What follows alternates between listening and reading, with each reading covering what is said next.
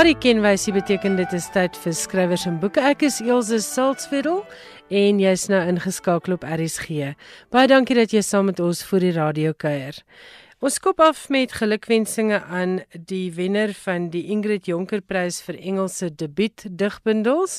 Dit is Sindiswa Basuku Matese vir haar bundel Loud and Yellow Laughter.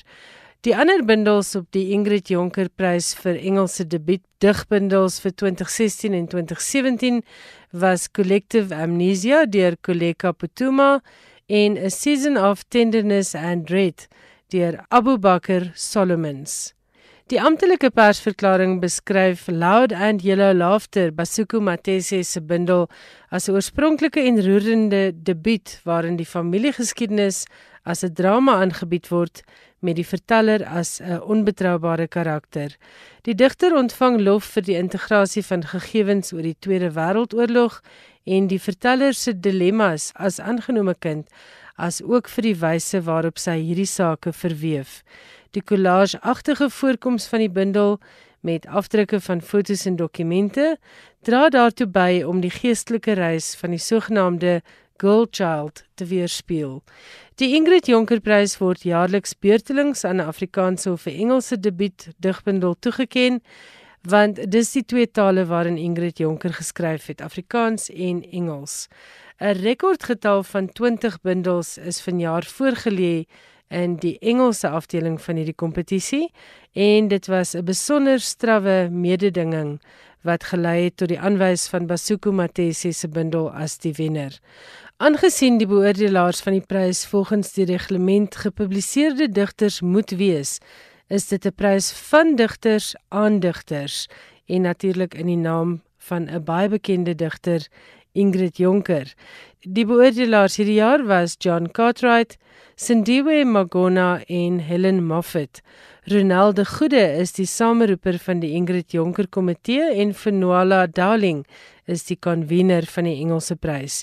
Die ander komiteelede is Leon de Kok, Vincent Olifant en Beverly Rycroft. Die prys is verlede Vrydag aand aan Sindiswa Basuku Matese toegekend.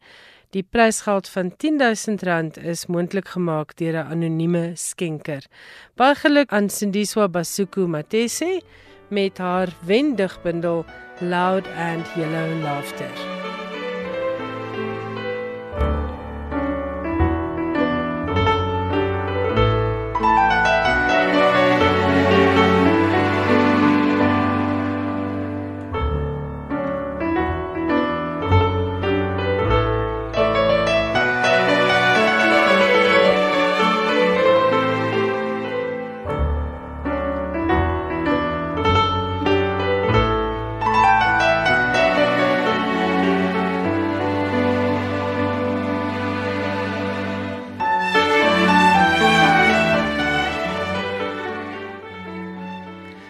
Beloof het ons vanaand 'n uitsonderlike gas hier in die skrywers en boeke ateljee. Die ouer luisteraars gaan haar beslis ken. Kate Turkington, maar selfs van my jonger kollegas het my geroep nadat ek hier met Kate Turkington deur die gange gestap het en gesê Wie staai? Ons ken daai stem. So Kate Turkington is nie 'n onbekende op Suid-Afrikaanse radio nie. Sy het 'n hele paar jaar lank 'n Sondagaandprogram gehad, 3 ure lange Sondagaandprogram op 'n 702 Talk Radio met die naam van Believe It or Not. En dit het in 2013 geëindig. Een van die programme wat die langste op die lug was op Suid-Afrikaanse radio.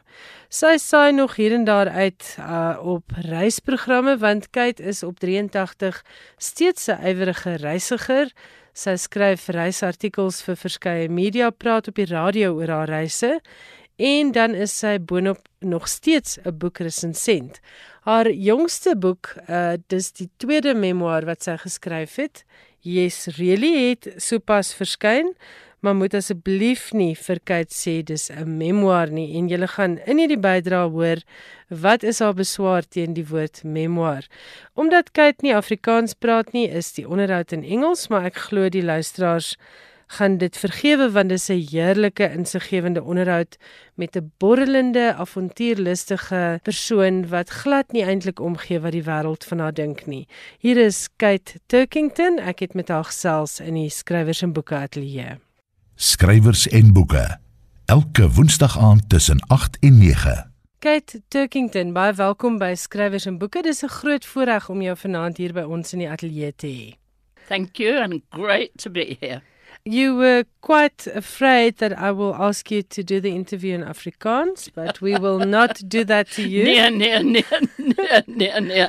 And I'm sure the listeners will forgive you because you're a legend. Um, you giggled when we were on the way up here when I referred to you as a legend. But you truly are. You were on radio for how long?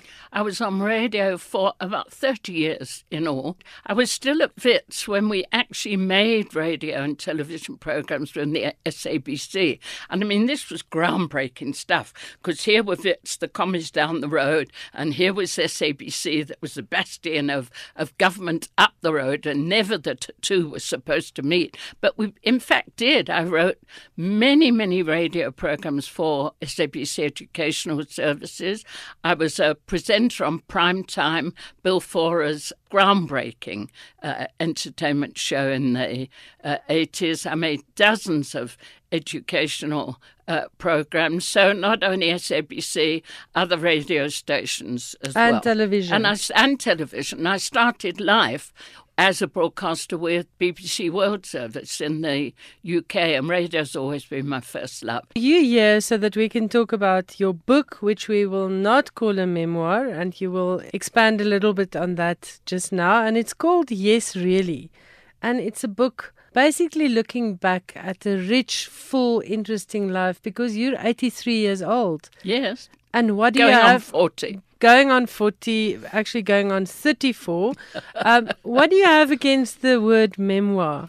Memoir to me is porcelain teacups and little lace doilies and thingies round toilet rolls and it's sort of lace and lavender. And this isn't. My life hasn't been like that. I have ricocheted from one amazing event, one amazing place one amazing man uh, to another. So, memoir is not Kate. Memoir is, I don't know, but it, it's not me. It's not me. A life. And it was one of my grandsons, one of my 20 something grandsons, who actually said to me, Granny, a life. That's what you must call it. Yeah, so it's called Yes, Really a Life by Kate Turkington. And what a life it was because you take the reader right back to the England you were born in, the war, the fact that you were separated from your parents for, I think, 18 mm, months. How mm, long was mm. it? a few months, Yes. not quite 18, but I was an evacuee. Well, what happened? Because not many people will know about that. When World War II started, we were told in the in England, well, our parents were told the Nazis are coming, they're going to rape you, they're going to murder you, and Britain had a plan, which is not like the Brits normally because they tend to muddle through things, but they had a plan. In four days, Ilsa, four days, one and a half million children were trained and bussed out of London to the countryside. And there wasn't one accident, there wasn't one hiccup in the whole programme. Our parents didn't know where we were going. We didn't know where we, we were going. I was four, my sister was six, and she was told, hold Kate's hand, don't let go of her. And we ended up on a platform in the misty, moisty fens of eastern England, the coast. And my sister, who's a very dramatic woman, claimed that we stood on Not that you're dramatic. no, no, I'm the quiet one. Yes. She claimed we stood on the platform all day because nobody would choose us because there were two of us. And it's such an interesting thing, Ilsa. I, I really have a superb memory. You know, that's one of the things about getting older. You, you're not frightened to say what you're good at, and you're not frightened to say what you're bad at. Come to that in a moment. I have a superb memory of those few months I was evacuated away from my parents. I remember nothing. And I used to think when I was a very old lady, which had been about 30 years' time, will those memories come back to me? But never, never, never. Never. Do you think you blocked it out because I'm of the sure trauma? it's yes, I'm sure it's what a shrink would call uh, a classical blockout. When you think I was four years old, taken away from loving parents, we had a brown paper parcel tied to us. I remember I wore my pink princess coat because my mother was a dressmaker. and She always dressed us like the little princesses, Margaret, Margaret Rose, and Elizabeth, and that's all I remember. Were you placed with other people or in a camp? There weren't camps. You were placed with uh, families. I think farming. I think a farming family. But my mother, who was the most amazing woman, she managed to get her and my father out of England to Hertfordshire, which is one of the adjoining counties of England. He was a welder. Uh, he got a job in a de Havilland's aircraft factory. So they got us away from evacuation, and I was back home happily living in a, a little country uh, town in a little two up, two down uh, house where there were rabbits in the garden and hedgehogs and wildwood all around. I had the most wonderful, wonderful childhood. You also had a very unconventional young life because it seems that your mother really wanted you to go out and conquer the world, which wasn't typical of that era. Tell us about your young life. What did you study? You got married fairly early. Very young. Very. Yes. I tell you what, Ilsa. My mother, uh, my previous book's called Doing It with Doris, and Doris was her name. She was widowed young at 47. She was the daughter of a former Swedish sea captain, and she had been brought up on what is now Canary Wharf, the Isle of Dogs as it was then. Mm. No money, no money, but there were always sea captains in the house. There were parrots, there were monkeys. It was not your typical suburban atmosphere. So she grew up always wanting to travel, never could. There was never any money. Then the war came. But when my father died, she was left without a penny, not a single penny. So she worked, age 47, she started working her way around the world. She was a barmaid in the Bronx. She lived among headhunters in New Guinea. She was a cook on a sheep station in New Zealand. She was the world's worst cook. She said it didn't matter, they were all drunk. But the best was, at the age of 74, she went off to be the nanny to an oil sheikh in Saudi Arabia. And my sister and I said to her, Why are you going to Saudi Arabia? She hated children and she'd never been a nanny. She said, But I've never been there. And you see, that was how I was brought up. I was brought up, here are Hitler's armies on the shores of Europe waiting to invade us. My mother would take my sister Rita and I in the garden and say, There's the moon. If you want to go to the moon, you must go to the moon. I have a dear, dear, dear friend here in South Africa. She's she's my oldest friend in South Africa. I've been here almost 50 years. And she says she was brought up by loving, wonderful parents too. But she was brought up there's a sewing machine, don't use it. The needle might go through your finger. Yes, yeah. So Cautious. you see, cautious. And me, the world is your oyster. Go and do it. So I won a scholarship to university. Got married in my third year, age twenty. My husband had finished a year ahead of me, and the first job he was offered was Nigeria. We didn't even know where Nigeria was. I mean, we had to look it up on the map, but it was a sixty pounds kit allowance. Sixty pounds. That was like a fortune to two young struggling students. So at the age of 21, I found myself in, you cannot imagine how remote the village was that I lived in in Nigeria. I was the only non Nigerian for maybe 100, 150 miles, other than it was a by a leper colony, other than the doctor and the missionaries who ran the leper colony. Had my first baby there, used to weigh him on the leper colony scales with pennies, and he's now, I'm not, if he heard this and he heard me say he'd die, but he's just turned 60. I mean, how can I have, how can I have a six year old son? looking so young. and um, I used to weigh him with pennies on the leper colony scales, and as far as I know, nothing's fallen off yet. so a very, a very adventurous, a very adventurous uh, life. What I love about your book, Kate Turkington, who is my guest here tonight in Skrywers en Boeke, is that it's really a case of no holds barred. You talk about your mistakes, you talk about the things you regret, You talk about the loves of your life. You I talk about sex. you talk about sex. You had two husbands. Yes. You left the husband in Nigeria and you followed your heart to Ireland. You made a living in yet another strange country, foreign country, and a bit strange. And then you came to South Africa. Just briefly tell us how did you end up here? I'll tell you exactly how. My late Irish husband would say, I want, he wanted to go to South America and I wanted to come to South Africa. So we compromised and came to South Africa, which is totally untrue. It's a bit like the first husband, Nigeria. We had been living in Ireland. We loved Ireland. One of my children was born there. I have four children, two born in Nigeria, one in Ireland and one in South Africa. And we were too comfortable and we were young. We were in our mid 30s and we wanted to travel again. So Alan said, Well, let me apply for jobs. And the first job he was offered was in Johannesburg for two years. And that was 50, nearly 50 years ago. And I can tell you, Ilsa, there is no country in the world like South Africa. I travel all the time. I travel, I've traveled the world like Shakespeare's Puck. I've girdled the world, I don't know how many times. Last year, 2017, I was in nine different countries. This year, what it's May now, I've been in four. There is no country in the world like South Africa and its people. I love it. I love it. And I was asked recently to sum Johannesburg up. And I think this goes for much of South Africa too in three words. And I said energy. I love the energy in South Africa because I live in Johannesburg, the sunshine and the friendliness. I walk my dogs every morning. I live near quite a, a I don't know how it's escaped, but it's a piece of felt that hasn't been mm. built on yet. I walk my two rescue Jack Russells every morning. Sometimes I see people I know, sometimes I don't, but we all say, hello, good morning, mm. how are you? Mm. Fine.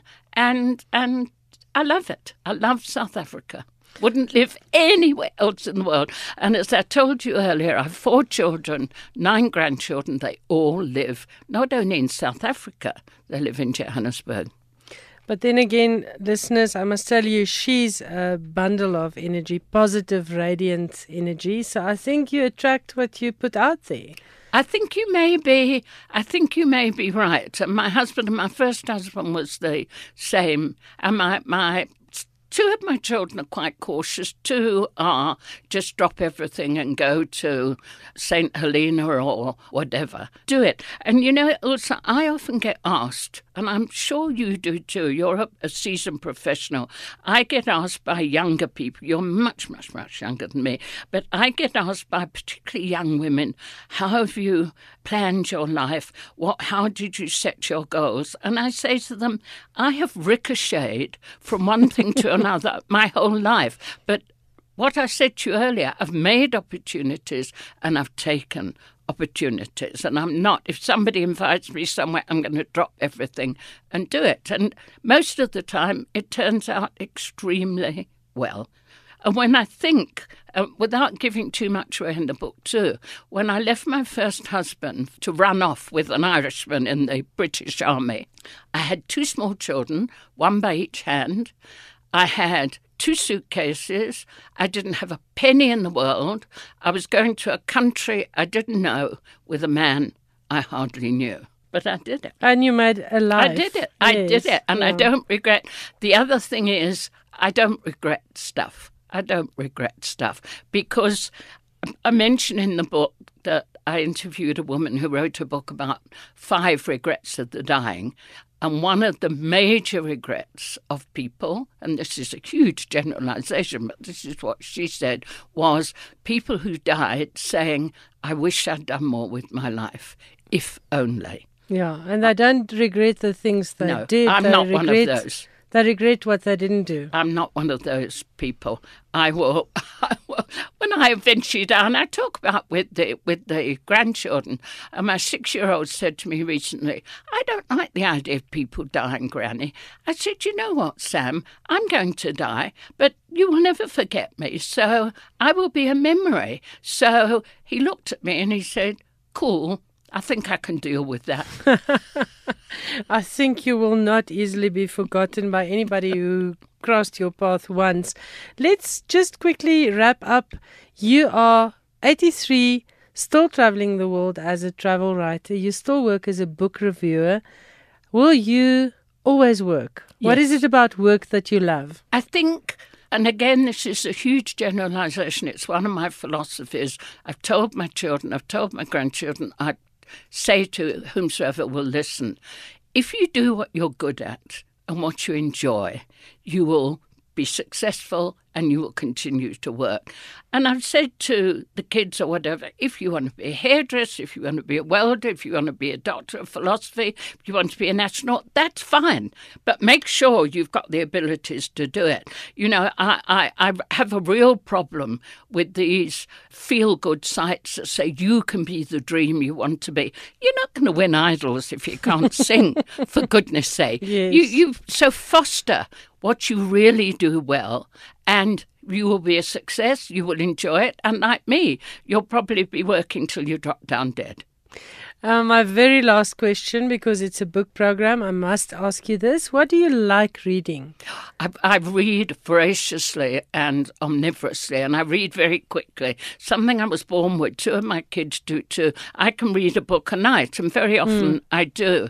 But my very favourite, I'm a crime fiction junkie, and I love really good crime fiction. And I've watched the progress of somebody like Dion Mayer, for mm-hmm. example, over the years. And the first ones were okay, they were good. Now they are brilliant. I mean, he has honed his craft. And I have followed many American, British authors, French, Nordic noir. I'm a great TV binge watcher, and I love uh, I love binge watching uh, TV series. with Also my crime whiskey. series. crime show. Well, anything. I just rewatched. Can you believe it? I've been the president of BirdLife Stanton for the last 13 years. I'm a bird watcher. I love birds. Just finished rewatching David Attenborough's Life of Birds with my two Jack Russells on my lap, my whiskey at my at my hand, and just loving the moment. And I live alone, and I'm very lucky because I'd never lived alone till I was in my 70s. And obviously, I have a big family around me mm-hmm. and I have friends around me. But I love being on my own in my house with my dogs, with my whiskey at night, doing whatever I want to do. Mind you, I've always done whatever I want to do. Yeah, I do. was going to say that that last part is a bit superfluous because I don't think even the king or the president could have stopped you if you put your mind to something. No, absolutely not. Why not? Why not? That's also quite a good thing to have engraved on your forehead. Why not? And that was Kate Turkington, veteran radio person, writer, book reviewer, travel writer, and just a very, very nice person. Thanks so much for visiting Skrywers and Boeke. Thank you, and thank you. Lovely talking to you, Ilse. Lovely. En daardie entoesiastiese stem het behoort aan Kate Turkington. Dit was regtig vir my 'n groot voorreg om met haar te gesels en ek dink dit sal een van die onderhoude wees wat ek as joernalis nooit sal vergeet nie. Skaf gerus haar boek aan. Dit bied 'n baie interessante blik oor 'n tydperk wat strek van die Tweede Wêreldoorlog toe sy 'n klein dogtertjie was, dwarsteer 'n lewe in Afrika in Nigerië saam met haar eerste man en haar jong kinders toe in Ierland saam met 'n tweede man en dan natuurlik die res van die boek wat afspeel hier in Suid-Afrika wat ook 'n baie interessante era van die uitsaai wese dokumenteer. En dit is nie alles net lekker lag en interessante geskiedenis nie. Daar's ook 'n groot stuk pyn in hierdie boek verweef en ek sou dit regtig aanbeveel vir enigiemand wat hou van biografieë. Dis altyd vir my 'n lekker ontdekking om 'n nuwe skrywer te ontdek. Nou Bet Smith is nie 'n nuwe skrywer nie, maar ek het nou vir die eerste keer een van haar spanningsromans gelees. So ek gaan nou-nou met haar gesels en dan sluit ons die program af met 'n gesprek met Elkarin Fourie, ook 'n skrywer met wie ons verlede jaar hier op skrywers en boeke gesels het oor haar boek oor China. Hulle het 10 jaar daar gewoon, maar Elkarin het my gekontak oor 'n geletterdheidsprojek in die Drakensberg gevangenis waarby sy betrokke was. Luister gerus en miskien is jy ook geïnspireerd om betrokke te raak. Ek hoop jy geniet die res van vanaand se skrywers en boeke.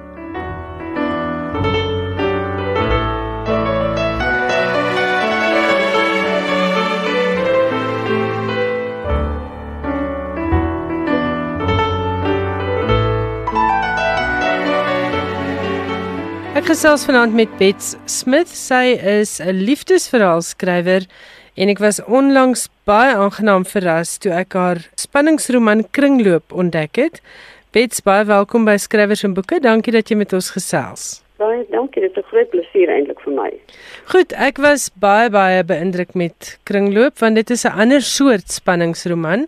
Maar kom ons vat 'n bietjie die verhaal terug oor jou skryfwerk. Jy was in die weermag en toe het jy onderwys gegee. Hoe kom 'n mens daarvan af tot by 'n skryfloopbaan want Kringloop is jou vierde spanningsroman en voor dit het jy 'n aantal liefdesverhale gepubliseer. Hoe begin enige mens skryf? Ek dink is maar uit 'n mens se leesagtergrond. Ek het nog nooit gehoor van 'n skrywer wat nie ook 'n leser is nie. Dis seker maar ook agtergrond en oorerwing want my maale was baie lief vir lees en hulle het my grootgemaak met stories omdat ek 'n fisieke bankkind was. Hulle moes my maar soort van kalm kry voor slaaptyd in die aande. En hulle het baie verskeidenheid stories vir my gelees en daai gevoel van geborgenheid wat ek gekry het as ek self storie hoor of toe ek nou later self lees, het ek dit die begeerte by my laat ontstaan om om self so iets te skep. Mens begin dan met wonder, kan jy ook so iets doen? En ja, toe terwyl ek skool gehou het, het ek so 'n los tydjie gehad tussenin veral daar in die begin en uh, dit ek ontvlug in die skrywery in. En hoeveel boeke het jy al agter jou naam? Kringloop is die 26ste een. Sjoe, en hoeveel jaar? Tussen 3 en 24 jaar, so is eintlik maar nie baie produktief. Nee, dis 'n boekejaar saam met 'n ander loopbaan. Ek dink dit is heel produktief. Daar's baie ander wat baie vinniger as ek is. Het jy enige skryfopleiding gehad? Het jy skryfskole bygewoon of het jy maar geleer soos wat jy aangegaan het?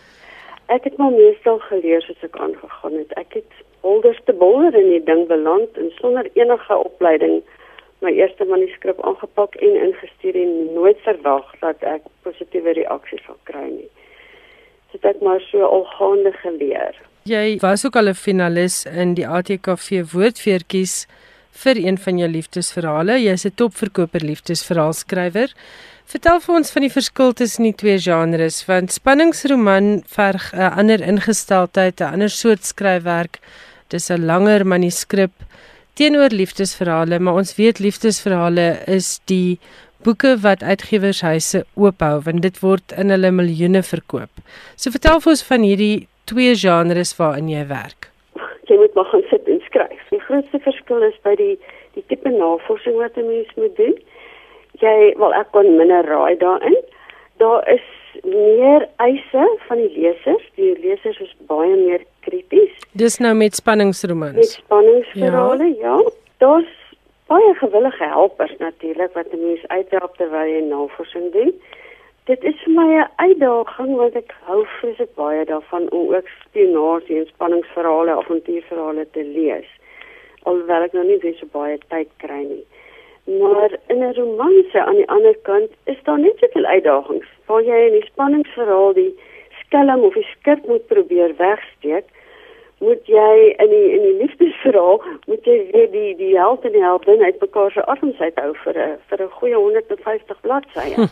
en dis is so maklik nie, want dit is mos maar 'n voorspelbare uh, tipe storie.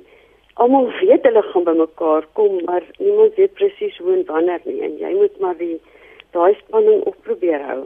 En daar's ook 'n ja. storielyn in elke romanse. Dis nie net boy meets girl en hulle beklei vir 150 bladsye nie. Daar moet daarom ook 'n ander verhaal of 'n ding wees wat die leser geïnteresseerd hou. Ja, my eerste liefdesverhale het ook baie elemente van spanning ingehaat. Ek het maar so soort van elke keer weer teruggeval op die spanningsding. Maar jy moet maar elke keer 'n ander tipe storie probeer skep, 'n ander omgewing kry, 'n ander tipe meisie, 'n ander tipe held. Maar die spanningsverhale is baie meer uitdagend want daar sit 'n heeltemal 'n ander tipe heldin en 'n ander tipe held. En dit is altyd ewe herkenbaar nie. Nie die held nie in elk geval. Goed, vertel my van jou skryfwyse. Is jy 'n organiese skrywer? Werk jy volgens 'n plan wanneer jy agter jou rekenaar inskuif? Vat vir ons van die prikkel vir 'n verhaal af totdat jy die manuskrip stuur. Ek is nie 'n baie goeie beplanner nie. ek het in die begin probeer om te beplan en dan hoofstuk vir hoofstuk min of meer uiteen te sit waar gaan hierdie nou heen en waar gaan daai nou heen en by hoofstuk 2 moet ek die hele spel weer verander. So gewoonlik as ek die die prikkel gekry het en begin oplees oor die moontlikhede en tipe insident wat my nou geprikkel het, dan groei die storie maar in my kop en wanneer dit nou moet neergeskryf word, ek skryf maar die navorsing goed neer. Maar as daar nou te veel mense en te veel karakters in my kop is, dan begin ek maar dit op papier sit. So baie keer terwyl ek werk aan die spanningsverhaal, moet ek terugskryf ek trek hier by hoofstuk 4 en dan dink ek o nee, hierdie moet inkom en dan gaan ek weer terug na hoofstuk 1 toe en voeg van die goed in. Ek werk maar redelik deur mekaar baie heen en weer. Ja, maar ek dink dit is half die enigste manier om te verseker dat 'n storie volledig is, want mens kan sekerlik ook nie met die eerste skryf van alles dink nie. Nee, nee. En dis 'n navorsing oopgaan as 'n mens nou jou storie neem nou maar sy loop en jy kom op 'n punt waar jy iets anders moet oplees dan kom daar feite by daai navorsing uit wat jou storie sommer 'n nuwe wending gee. Mm. En wat dit eintlik lekker maak, is ook om dit vir lekker is om om 'n spanningsverhaal te werk wat vir my navorsingsgeleenthede ook gee. Kom ons praat oor kringloop. Kringloop was vir my 'n heerlike verhaal want dit is nie jou tipiese spanningsroman waar daar net moord is en die moordenaar is 'n vreemdeling nie. Hier was ook 'n ander element by van 'n stalker, 'n sluipjagter iemand wat aan hierdie vrou bekend is, o, maar tot baie laat in die boek wonder 'n mens die hele tyd wie is dit want dit kan enigiemand van 'n handvol mense wees. Waar het die idee vir kringloop vandaan gekom? Hy het eintlik 'n baie lang loop gehad. Terwyl ek studeer het, het ek eendag saam met 'n vriendin van my na 'n partytjie gegaan en gehoor dat die vriendin se vriendin 'n ekskerel gehad het wat haar een nag begin treiter het uh, terwyl sy slaap, het hy die duplikaatsleutel gebruik wat hy gehad het vir haar woonstel en het ingekom en het sy polse gesny. En sy het wakker geword van die gedrup op haar gesig. En sy moes hom toe nou in die hospitaal toe laat hulle hom weer kan toewerk, maar sy het nie die verhouding hervat nie. En toe hy weke later, toe sy terug toe het hy aan sy motor ingedwing en haar uh, rondgery met haar op die ou Johannesburg Pretoria pad. En haar dan uit die voertuig uitgestamp en sodra haar voete teen die teer kom het hy haar teruggeruk. So hy daar op daai vrees van haar gespeel. En die insident het in my kop bly vassteek en ek het gewonder of dit nou nie 'n lekker storie sou wees om te verwerk nie. En ek het so 'n bietjie aan die uh, idee geraak in een van my eerste stories en toe besluit ek nee wat ek dink ek moet hom 'n bietjie meer volledig bewerk met al die nuwe inligting wat mense het oor sluipjagters en hulle sielkundige werking en hoe hulle koppe werk dit ek dit maar bygesit want lyk like my deesdae is daar baie meer sulke insidente Ja, of ons weet dalk net baie meer van dit omdat ons uh, in 'n groter inligtingstyd lewe, né? Dit is waar. Wat ja. se navorsing moes jy daarvoor doen? Het jy met 'n sielkundige gaan praat oor hoe lyk 'n tipiese sluipjagter se profiel of kriminoloog met wie jy gepraat? Ja, ek het Karla van der Spy geraadpleeg omdat sy op daai stadium besig was met die boek oor psigopate sy en die uh sy het nou 'n Henk wat haar help. Henk ja, Henk Swanepoel is sielkundige. Ja, dis sielkundige. Dit ek haar geraadpleeg en sy het vir my verskriklik baie inligting deurgegee, webblaaie wat ek kan raadpleeg en ook insette uit haar boek uit. Wat was vir die interessantste ding wat jy uitgevind het van 'n tipiese sluipjagter, 'n stalker?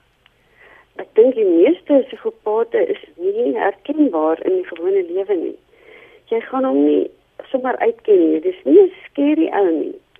Hy tree nie altyd so op dat jy vir hom sou versigtig wees nie. Hy blend in. Hy is maar soos enige ander mens.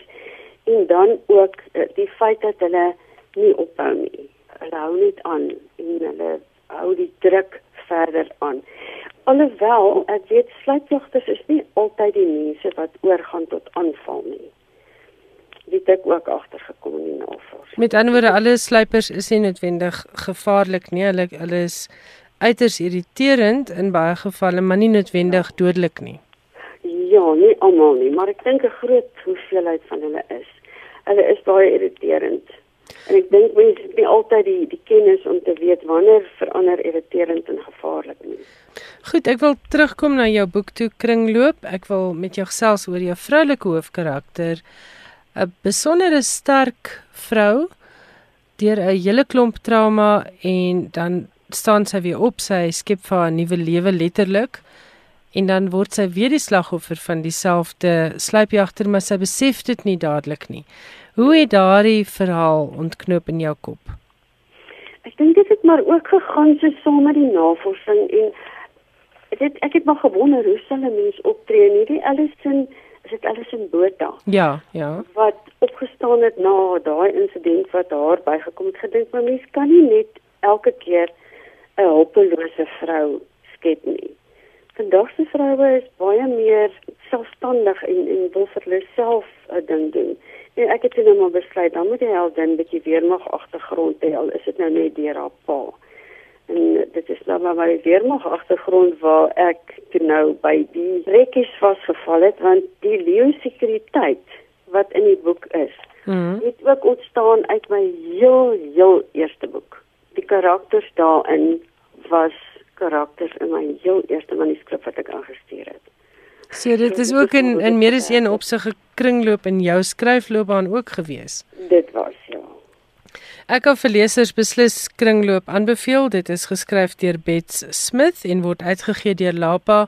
En Bets, ek sien uit na jou volgende boek. Waaraan skryf jy? Dis nog 'n spanningsverhaal, maar hy gaan heeltemal anders ter wees. So ek weet nog nie of hulle dit sal aanvaar nie. Ek hoop maar vir die beste. En as die spanning in die boek te erg raak, dan sal ek maar weer oorskak na 'n romanse toe vir 'n rukkie en dan maar weer terugval op die spanningsverhaal. So dis 'n interessante ding wat jy nou sê. Skryf jy dikwels aan twee verhale gelyk? Ja, as ek my vasloop in in die navorsing van een, dan val ek so 'n bietjie terug op 'n ander een waar ek meer kan ontspan en dan gaan ek weer terug na die spanningsverhaal toe. Dit klink vir my na baie harde werk, maar ons wens jou alle voorspoed toe en ek hoop uh, ons kan baie vinnig een van die nuwe boeke onder oë kry. Baie dankie. Dit was Bet Smith. Ons het gesels oor haar spanningsroman Kringloop. Bet se Kringloop en ook haar ander liefdesverhale word uitgegee deur Lapa. Gaan loer gerus op hulle webwerf www.lapa.co.za en onthou hulle versend ook landwyd as jy direk van die webwerf wil bestel. Jy luister na skrywers en boeke op RSG. Ek gesels vanaand met Elkarin Fourie. Lesers en luisteraars sal onthou Elkarin is die skrywer van Vat jou hele hart, 'n boek oor hulle verblyf in China wat so uh, ongeveer 'n dekade geduur het. Ek het verlede jaar met haar gesels hier op skrywers en boeke en sy het verlede week vir my baie interessante e-pos gestuur oor 'n boekprojek waarmee sy en haar man besig was by die Parelse gevangenis. Is ek reg, Elkarin? Drakensberg. Dis waar van waar Mandela mos aangehou is en 'n groot beeld van hom is. Dis daardie uh gevangenis so half tussen die Parel en Franshoek as ek nou reg onthou, né? Ja, ja. Goed. Vertel vir ons van die projek en van julle rol daarin. Julle is albei oud joernaliste, baie duidelik lief vir die letterkunde en vir boeke. So begin by die begin, hoe het julle betrokke geraak en waaroor gaan die projek?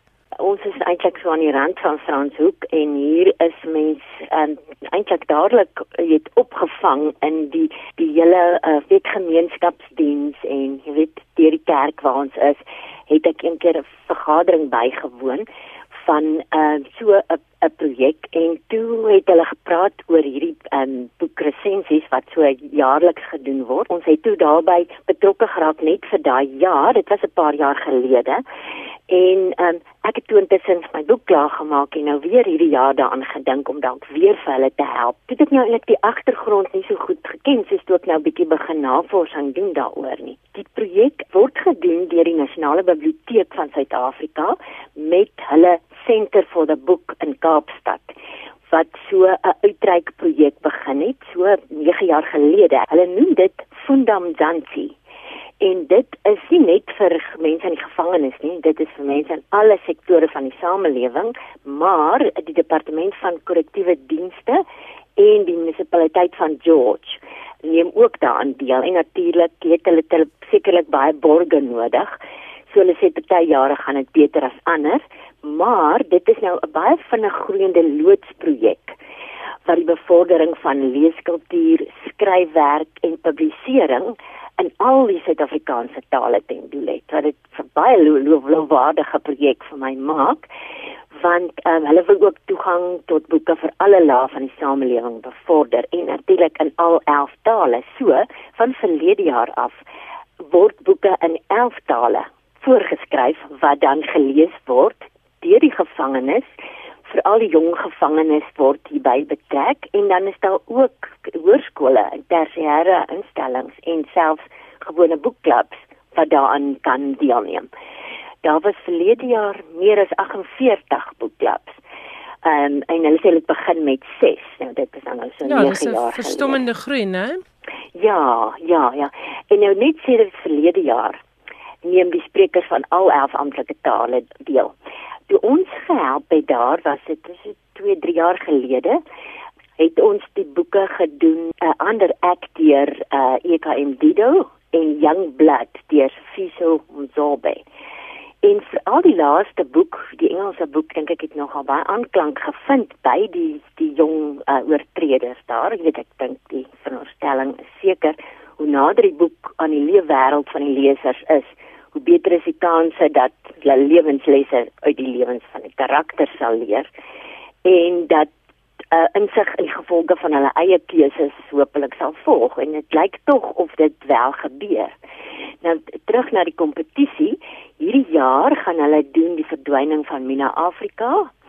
Uh die Soreta Roos en Dog Eat Dog van Nick Mflongo. Dan is daar ook dan nou nege boeke in ander tale. Dit begin omtrent nou hierdie tyd wat hulle die boeke kry van Center for the Book wat dan ook die boeke kies. Dan stuur hulle dit uit na almal wat wil deelneem. Nou ek het nou gefokus op die tronk inisiatief, maar daar word definitief gesê dat dit vir deelnemers in hoërskole, tersiêre instellings gemeenskapsleeskringe selfs is. En dit word dan nou jaarliks in vroeg Oktober in George gehou. Maar nou net die agtergrond van die projek is ook dat daar verskillende kategorieë is waarin deelnemers kan meeding. So, hulle sê lees, dan boekresensies, spelling, daar's ook soos hulle sê spelling bee en debat en storievertelling en boekpryse word vir eerste, tweede en derde plekke toegeken.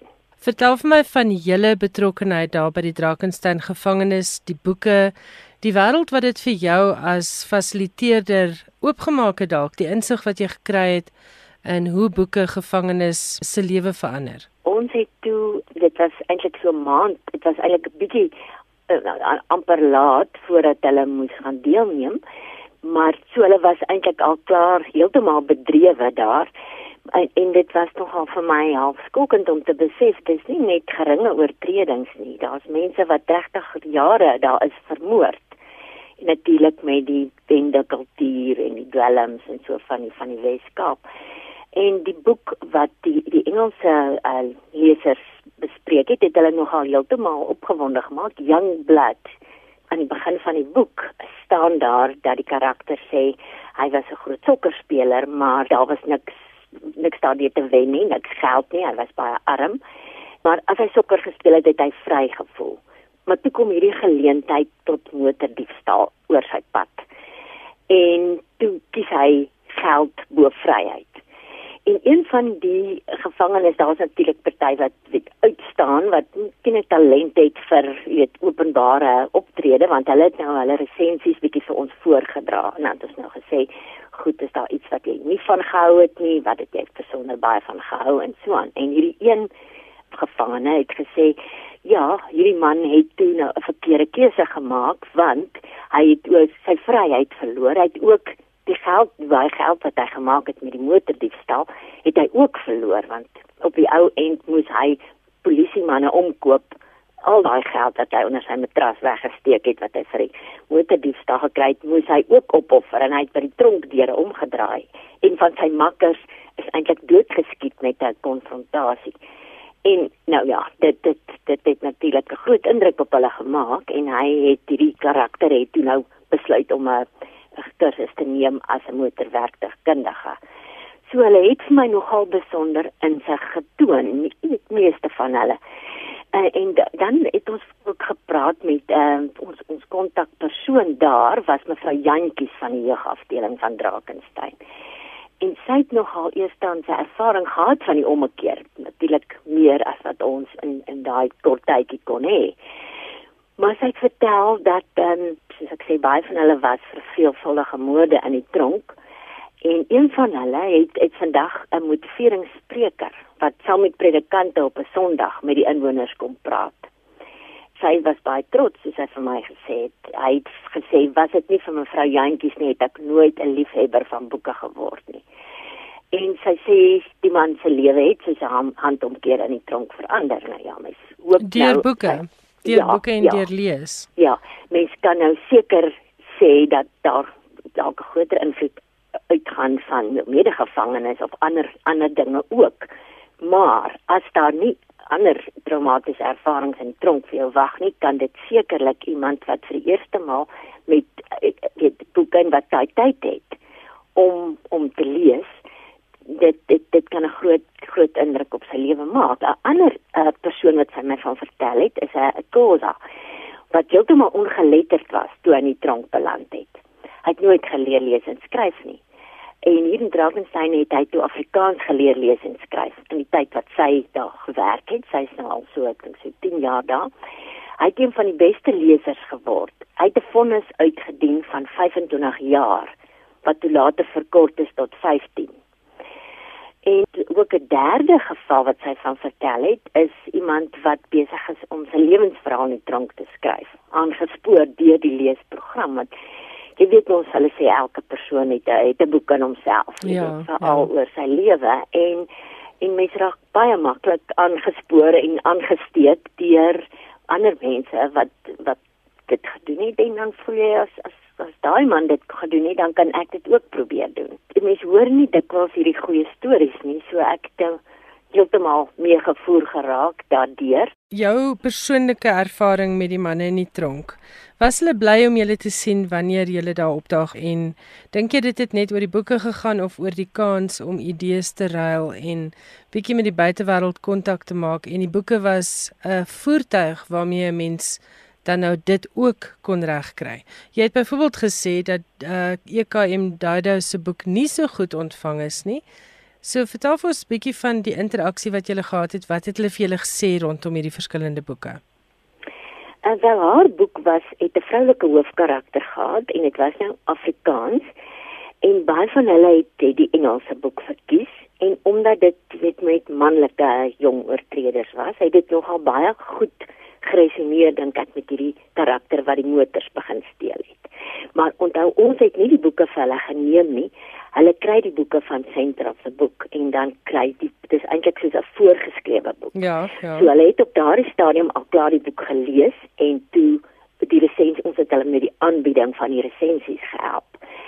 En ek dink hulle het, het dit baie geniet om met iemand van die buitewêreld in aanraking te kom en ons het nie net oor die boeke gepraat nie ons het ook gepraat oor ehm um, hoe alles wat jy leer gaan gaan eintlik maar deur deur lees gepaard. Al het ons vandag met die elektroniese hulpmiddels soveel ander dinge en ander mediums waar mense lees is dit nog steeds nog eh, weet jy al lees jy akademiese boeke of leer want hulle studeer natuurlik ook.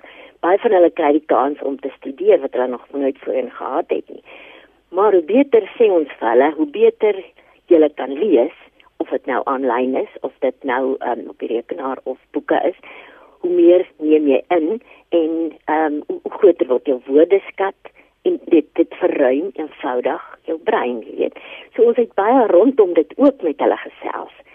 En party van hulle het absoluut uitgeblink. Ek was verbaas om te te sien hoeveel van hulle um, het het het insig gehad weet in in hierdie karakter se keuses So dit was dit was werklik 'n goeie ervaring um, vir ons en vir hulle en ook het hulle baie van hulle was bietjie skaam en uh, weet want hulle oefen nou om voor mense te praat. So dit het dink ek nogal baie vir hulle selfvertroue ook gedoen. En mense besef nie in die lewe van vandag hoe belangrik lees en fiksie, jy weet, hoe hoe dit mense kan inspireer nie. Elkarin Fourie baie dankie vir die gesels. Elkarin is 'n skrywer, oudjoernalis en 'n boekliefhebber en sy en haar Mantini het deelgeneem aan so 'n boekprojek by die Drakensberg gevangenis. Funza Mzansi is 'n geletterdheids- en leesprojek wat wil bydra tot die groei van generasies opgevoede, bemagtigde en betrokke jong leiers en inwoners van Suid-Afrika. Dit doen hulle deur boeke en stories en ek het so 'n bietjie op die webwerf gaan kyk daar by funza.co.za. Jy spel dit F U N D Z A.co.za. Hulle het sedert 2012 98793 boeke versprei, uh 220000 pamflette. Daar is 7.5 miljoen lesers wat hulle verhale kan lees op mobiele toestelle soos selfone en is werklik waar 'n wonderlike projek wat lesers van alle ouderdomme en alle geleerdheidsvlakke kan help om die vreugde van lees en boeke te ontdek. Gaan maak 'n draai by funza.co.za. Hulle is ook altyd op soek na donasies en kyk hoe jy betrokke kan raak om van Suid-Afrikaners 'n lesende nasie te maak. Nou ja, dit was skrywers en boeke vanaand. Ek is Elsje Salzwetel as jy e-pos wil stuur. My adres is skrywers en boeke by rsg.co.za en die SMS nommer is 45770. Dit kos R1.50 per SMS. Volgende Woensdag aand is ek terug, dan gesels ek met Kate Moss, nie die model nie, wel die stigter van die Orange Prys vir vroue fiksie in Brittanje. Sy was onlangs op besoek aan Suid-Afrika en ons gaan ook gesels oor haar jongste roman, want sy self is 'n topverkoper skrywer. Tot volgende week groet ek dan Elsje Salzwetel hier uit Johannesburg. Geniet jou aand daar vir die radio. Moet nog nie afskakel nie want daar's nog heerlike musiek, maar ons kuier weer volgende Woensdag aand. Totsiens.